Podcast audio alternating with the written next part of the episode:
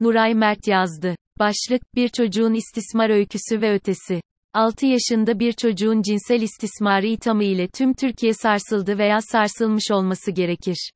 Olay, bir dini cemaat içinde yaşanmış olduğu için, doğal olarak tekil bir örnek olmaktan öte tartışma konusu oldu.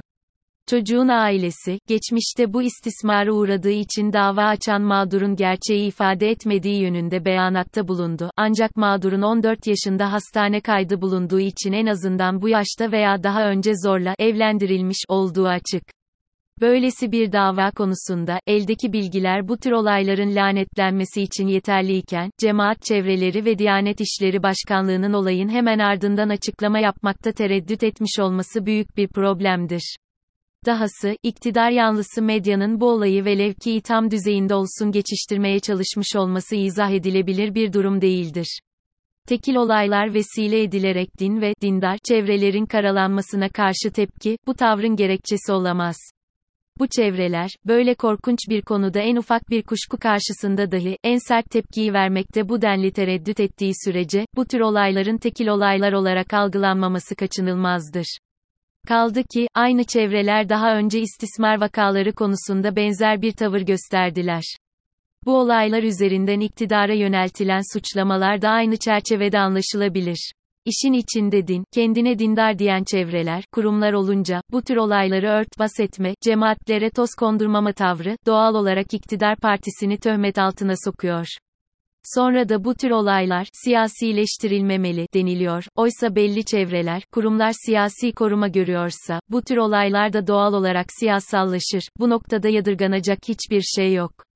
Diğer taraftan, bu vesile ile pedofili, küçük yaşta ve zorla evlendirme konularını tekrar tartışmaya açmakta fayda var. Öncelikle, daha önce gündeme gelen vakıfların Kur'an kurslarında istismar, hiçbir şekilde göz ardı edilecek meseleler olmadığı gibi, dünyanın her yerinde gerek dinini kurumlar gerekse onun dışında kalan çocuklara yakın mesleklerin pedofil istismar suçlularının tarafından kullandığını biliyoruz.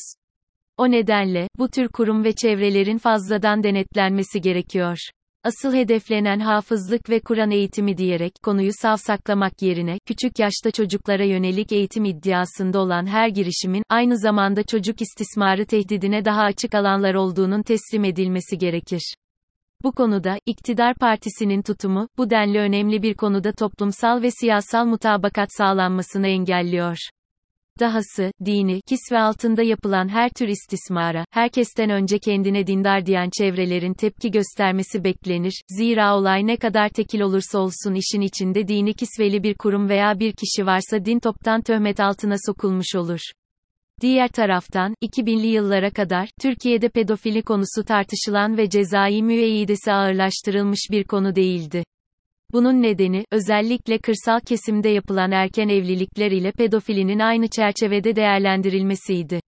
14 ila 15 yaşında kaçarak evlenmiş bir çift söz konusu olduğunda erkek hapse atılıyordu ve bu da bu birleşmelerden doğan çocukların ve kadının mağduriyetine neden oluyordu. Daha sonra, bildiğim kadarıyla pedofili bir suç olarak tanımlandı. Ancak, hali hazırda bu konudaki kafa karışıklığı devam ediyor. Şöyle ki, erken yaşta evlenme ile evliliğe zorlama ve tecavüz arasındaki farkı gözden geldiğimizde, 17 yaşındaki bir kıza tecavüz veya evliliğe zorlama ile, 19 yaşındaki birinin aynı şeye maruz kalması arasına kalın çizgi çekmekten başka bir şey yapmamış oluyoruz. Müslüman veya değil, modern öncesi toplumlarda evlilik yaşının buluğ çağı ile belirlenmesi, bugün kabul edilebilir bir şey değil. Tüm toplumlarda, modern dönem itibarıyla kültürel kabulde hukuki düzenleme de bu yönde değişti. Ancak diğer taraftan, 60'lı yıllarda yükselen cinsel özgürlük hareketi, evlilik öncesi cinsellikten uzak durma normunu sorguladığı ölçüde, cinsel deneyim yaşı tekrar düşmeye başladı. O nedenle, daha önce hukuki olarak reşit olmak ve dolayısıyla cinsel ilişkide, rıza, yaşı yaşının 18 olması sorun olmaya başladı. O nedenle, bugün pek çok batı ülkesinde rıza yaşı 16'ya düşürüldü. Yani, bu yaştaki bir birliktelik zorlamaya dair kanıt yoksa, suç ve tecavüz sayılmıyor. Nokta. Diğer taraftan, yine aynı süreçte, tecavüzün evlilikten bağımsız olarak daha geniş bir çerçevede tanımlanması gerekti. Bir yandan evlilik içi zorlama, evlilik içi tecavüz olarak tanımlanması ve cezalandırılması söz konusu oldu. Bu son derece önemli bir gelişme, zira geldiğimiz noktada sorunun zorlama yolu ile cinsellik olduğunun altı çizilmiş oldu. Ancak, halen erken evlilik ve cinsel deneyimle tanışma konusundaki genel kabuller birbiriyle çelişkili olmaya devam ediyor.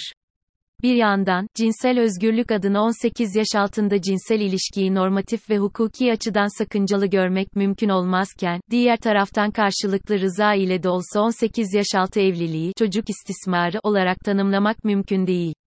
Nitekim, cinsellikle tanışma yaşı 11'e kadar düşmüş batı toplumlarında, belli bir yaşın altında cinsel deneyimi ayıplamak ve yasaklamak cinsel özgürlük adına kabul edilemez sayılırken diğer taraftan, 15 yaşında evliliği çocuk istismarı olarak tanımlamak ciddi bir sorun haline geliyor.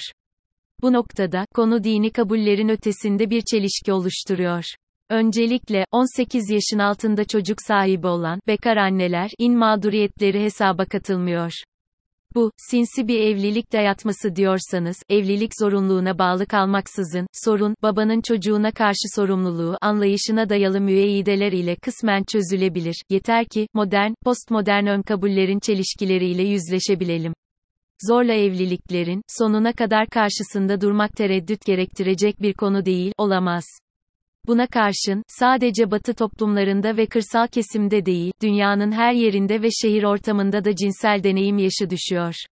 Müslüman muhafazakar, dindar çevrelerde de, erken yaşta, cinsellikten kaçınma, şeklinde telkinlerin toplumsal karşılığı olmuyor. Bu durumda, bu çevrelerin kabul edebileceği çözüm 18 yaş altı evliliğin mümkün olmasıdır.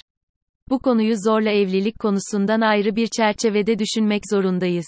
Yoksa, liberal kültürün 18 yaşının altında cinselliği kabul ederken, erken evliliğin kabul edilmez saymasını, bırakın sofu, dindar, sıradan muhafazakar insanlara anlatmak mümkün değildir.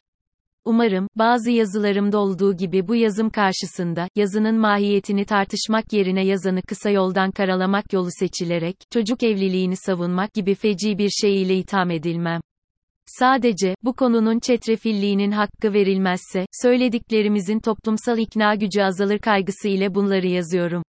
Ayrıca, biz halen liberal olduğunu söyleyenlerin dahi, cinsel konularda kolaylıkla muhafazakar tutum sergileyebildiği bir toplumda yaşıyoruz.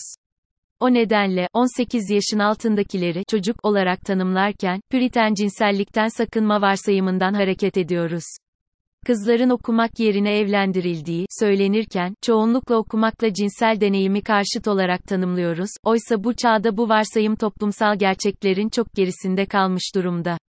Tüm bunları, feci bir olaya ilişkin olarak başladığım bir yazıda ifade etmek istemezdim ama konun geldiği nokta itibariyle, bu konuların çok boyutlu olarak tartışılması gerektiğini düşündüm, umarım yanlış anlaşılmaz.